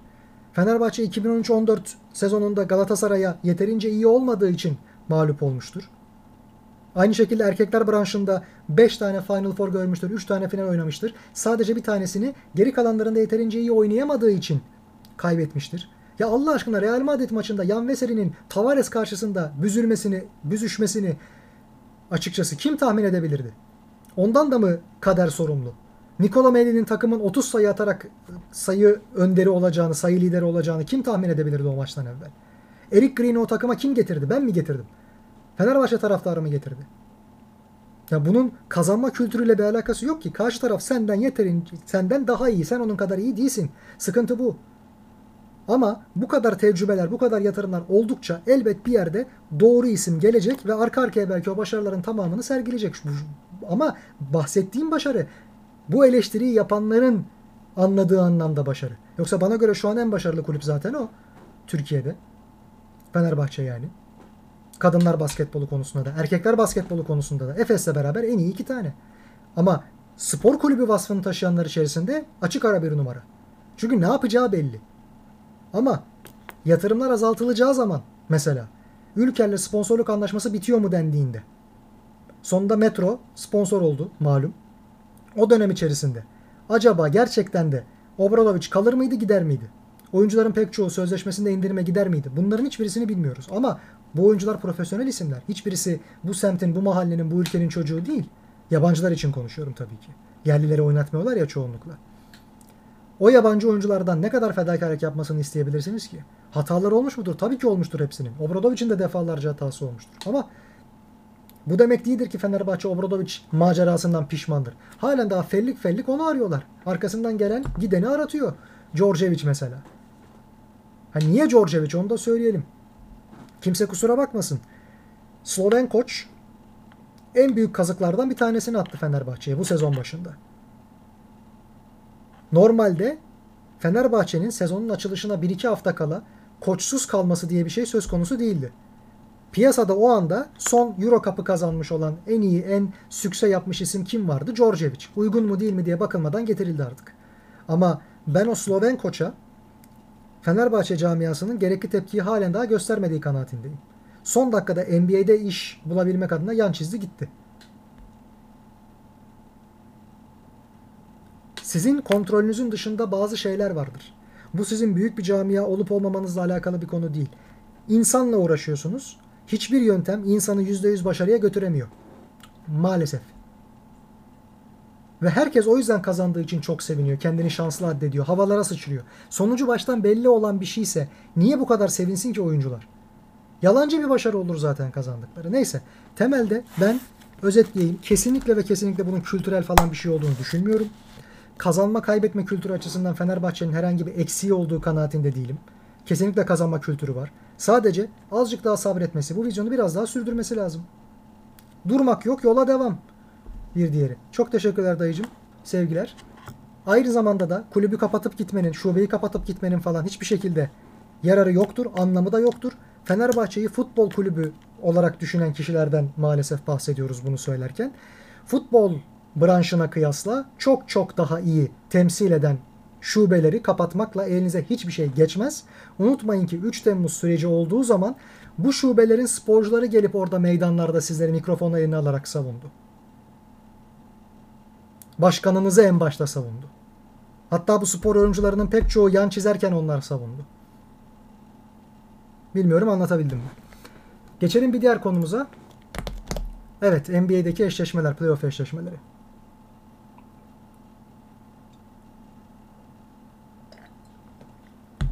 Şimdi doğudan başlayalım. Miami Atlanta. İlk maçı Miami kazandı ama öyle böyle kazanmadı açıkçası. Bu maçların hemen hemen hepsini tamamıyla seyrettim. Güzel saatlerde denk geldi çünkü. Şimdi bir defa Miami'nin sertliğine gerek hücumda gerek savunmada Atlanta'nın verecek hiçbir cevabı olmadığı gibi Trey Young'ın kısa savunması adına yaptığı hiçbir şey yok. Galinari zaten savunma falan yapmıyor. Bir de üstüne Clint Capela sakatlandı. Bir tek DeAndre Hunter'ın bir şeyler yapabilme ihtimali vardı. O da oyun kurucusu gerçekten eli buz tuttuktan sonra Ice Tray klasik veya geriye düşme onun da belki istediği bir şey oluyor genellikle. Yani gerilerden gelip de öne geçelim diye. Kendine belki orada bir hedef mi belliyor, hırslanıyor mu, motive mi oluyor, ne oluyor bilmiyoruz ama her zaman da işe yaramıyor. İşte o yüzden de Heat güle oynaya kazandı. Eze eze kazandı. Onu da söyleyeyim. Ha bu arada işte Jimmy Butler'ın falan bir dalaşması etmesi oldu ama Jimmy Butler'ı hepimiz tanıyoruz zaten. Böyle bir isim, böyle yapacak. Anormal bir şeyden bahsetmiyoruz. Bir ikincisi yani ben bu turda hani kaç kaç biter diye düşündüğümüz vakit Miami'nin 4-1 falan kazanacağını düşünüyorum.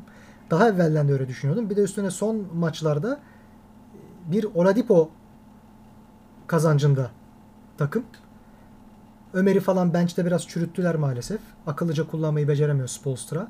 Ama yeri geldiğinde o da halen daha mesela çıkıyor. En azından birkaç reboundluk çok şahane performans gösteriyor. Savunma katkısı. Rotasyonda yani yerini sağlamlaştırmış durumda. Skorer ihtiyacı olduğunda işte Tyler Hero, Struz, artık Oladipo gelecekse Oladipo. Eğer gerçekten de takımın ritmini bozmayacaksa, performansını düşürmeyecekse çok güzel bir katkı. Oladipo'nun geri dönebilmesi. Dolayısıyla Miami'nin ben 4-1 geçeceğini düşünüyorum.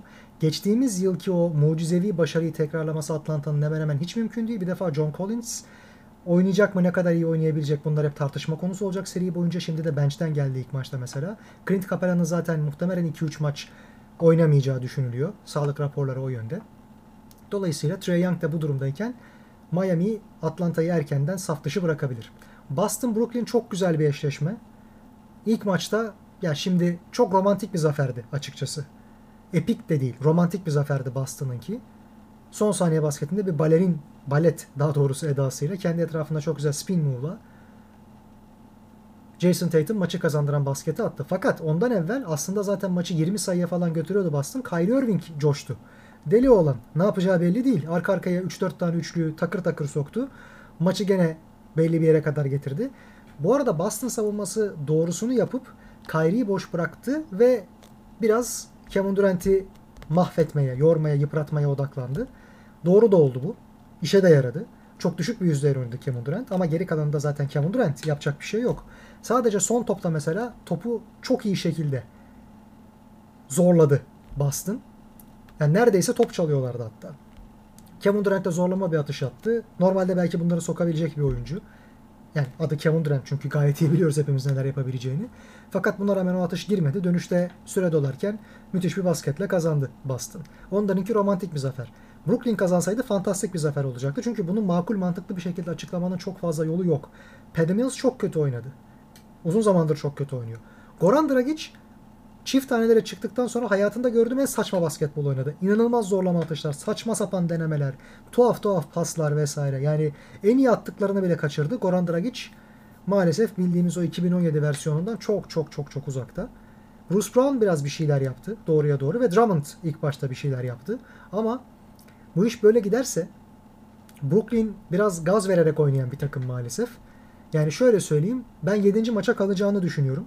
Ama 7. maçta işte acaba Kyrie Irving oynayabilecek mi aşı durumu vesaire sebebiyle? O ne olacak bilinmiyor. Bir sakatlık çıkar mı çıkmaz mı onların hepsini bir tarafa bırakıyorum.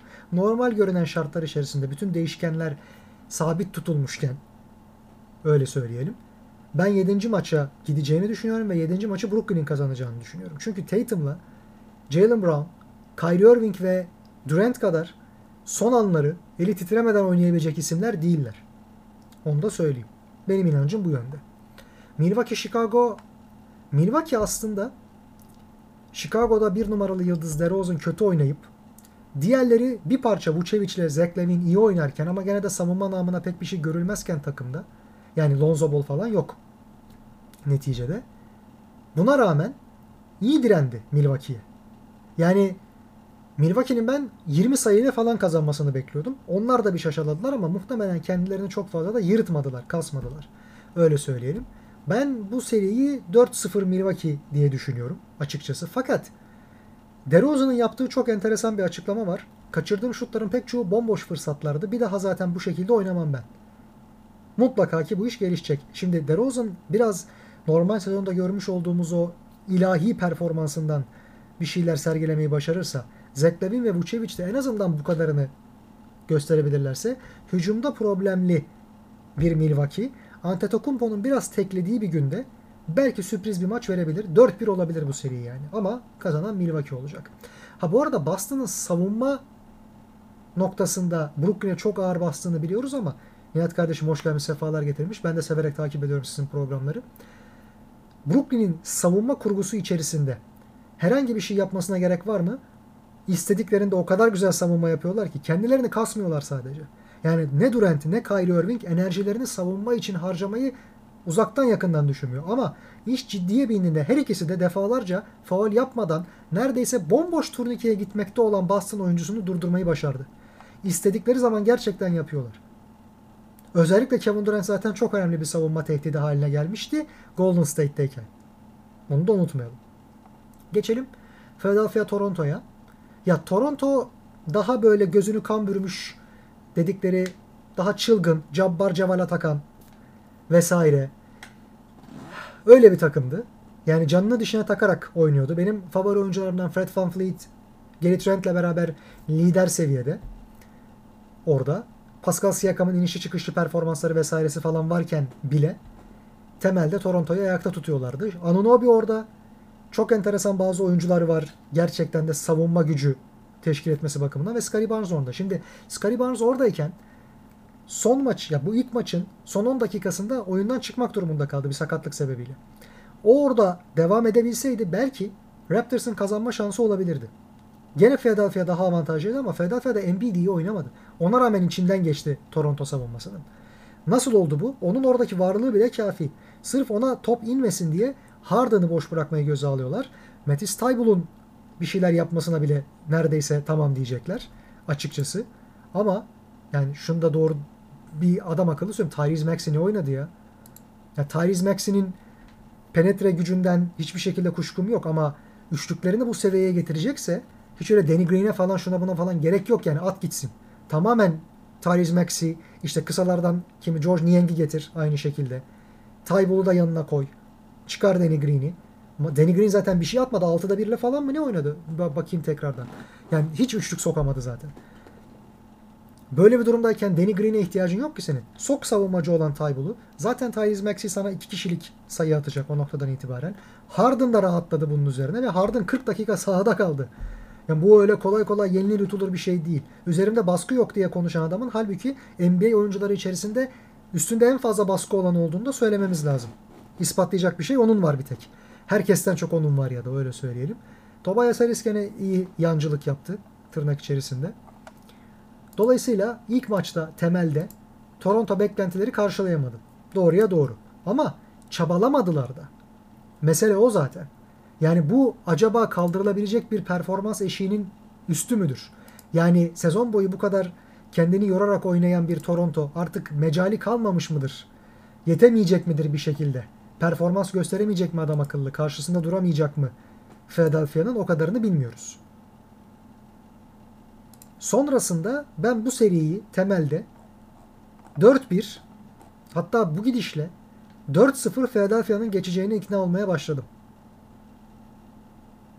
Çünkü Embiid daha devreye girmemişken Raptors savunması 137 Philadelphia'dan hem de normal sürede. Bu çok düşünülmesi gereken bir hadise. Batı tarafına geçelim. Batı'da Phoenix New Orleans dün oynandı. Şimdi New Orleans Pelicans sempati duyduğum bir kadro açıkçası.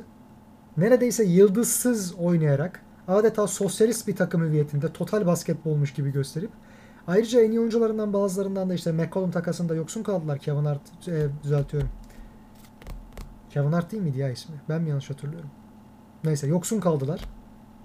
Onu da gönderdiler ama play-in etabında rakiplerini geçip Clippers'ı aşıp buraya gelmeyi başardılar. Fakat Suns'a direnmeleri şu açıdan mümkün değil. Bir, DeAndre Ayton'a karşı acaba Valanciunas ne kadar performans gösterebilir? Bu çok büyük bir tartışma konusu. Şimdi bir ikincisi yani zaten bir eksiklik var. O eksiklik şu. ikinci, üçüncü skoreri yaratmakta son derece büyük sıkıntılar yaşıyor. New Orleans takımı. Niye? Ingram var. Fakat ikinci bir skor tehdidi olarak CJ McCollum'u hesaba katıyoruz. Doğru. McCollum iyi kötü bir 15-20 sayılık bir katkıda bulunuyor fakat karşısındaki savunmacı Devin Booker olduğunda da veya işte aklımıza gelebilecek kimler var bu takımda? Doğru düzgün savunmacı. Ha şeyi hesaba katmıyorum. Bridges'i hesaba katmıyorum çünkü onun kimi savunacağı belli. O Ingram'ın savunmasında olacak. Chris Paul ya da Devin Booker CJ McCollum'u tuttuğu zaman McCollum'un çok fazla şut deneyerek, çok fazla kaçırarak 20 sayı attığını göreceğiz. O 20 sayıyı bulmak için deneme yapmaktan vazgeçmez ama verimliliği düşecek. Yapacak bir şey yok. E bu noktadan itibaren zaten savunma alanında Phoenix'e karşı verebilecek hiçbir cevabı yok New Orleans'ın. Hiçbir cevabı yok hem de. Ya elinde adam akıllı uzun savunmacısı yok. Valenciunas falan bir tarafa bırakıyorum. Uzunları üçlük atabilen bir takımdan bahsediyoruz Phoenix dediğimiz vakit. Hele bir de Bridges devreye girerse, Chris Paul onu biraz daha beslerse mesela, Phoenix'in eze eze çıkması burada gerçekten gerçekçi ihtimal. Ben 4-0 Phoenix diyorum bunun için. Memphis, Minnesota Şimdi Minnesota'nın Anthony Edwards ve Towns özelinde bu kadar iyi başlayacağını, D'Angelo Russell'ın da bu kadar kötü bir ilk maç oynayacağını çok azımız tahmin edebilirdik.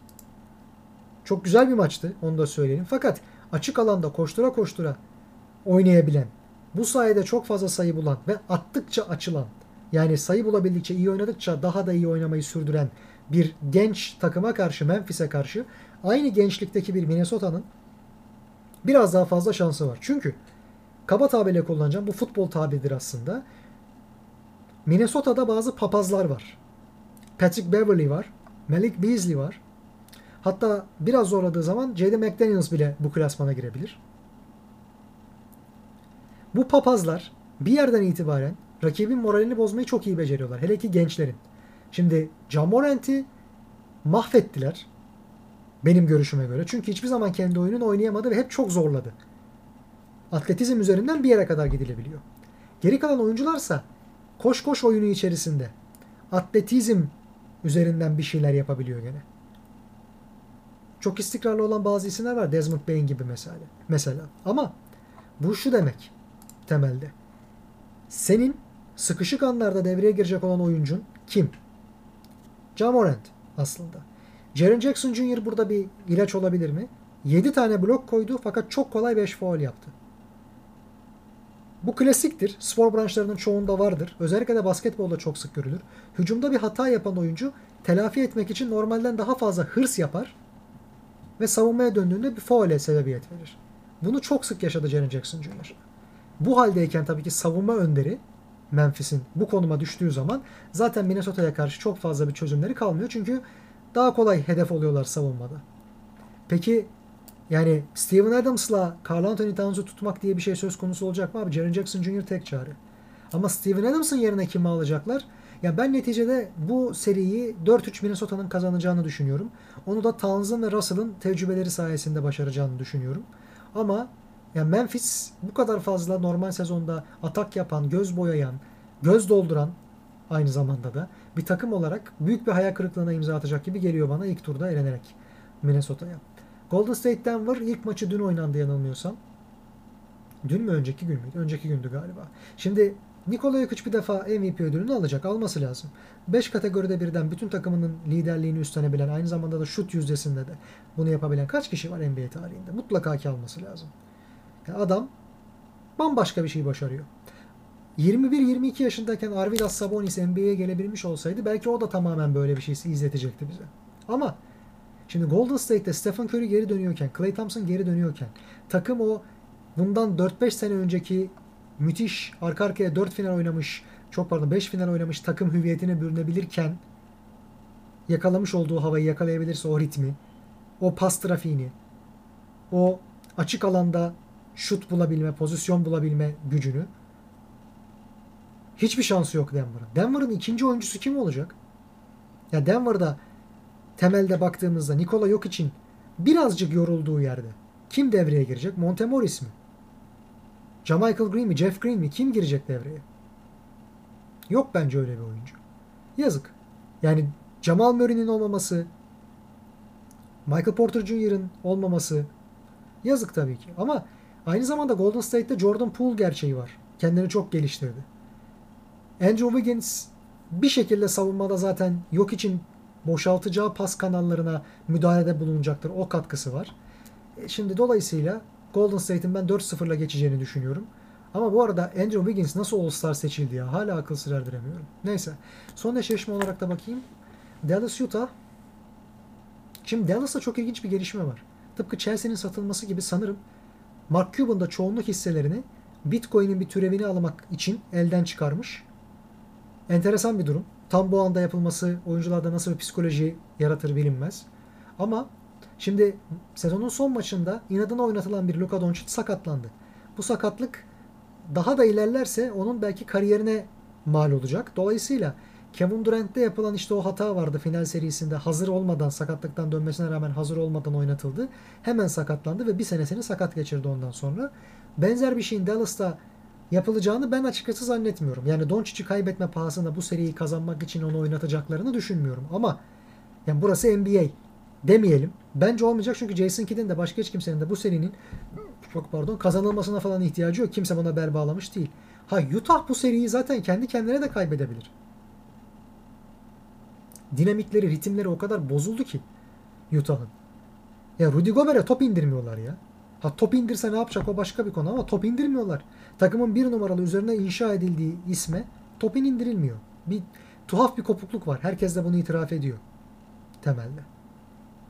Ama ben bu seriyi normalde yani her iki takımın da kötü oynayacağı varsayımıyla 4-3 Utah diyorum. Bir yerden sonra Mike Conley bir şey yapmayacaklar ama Bogdanovic'le özellikle Donovan Mitchell'ın bir isyan yumruğu atacağı kanaatindeyim. Diğer tarafta Spencer Dinwiddie kontrat sezonuna girecek bildiğim kadarıyla. Buyur sahne. Çık oyna.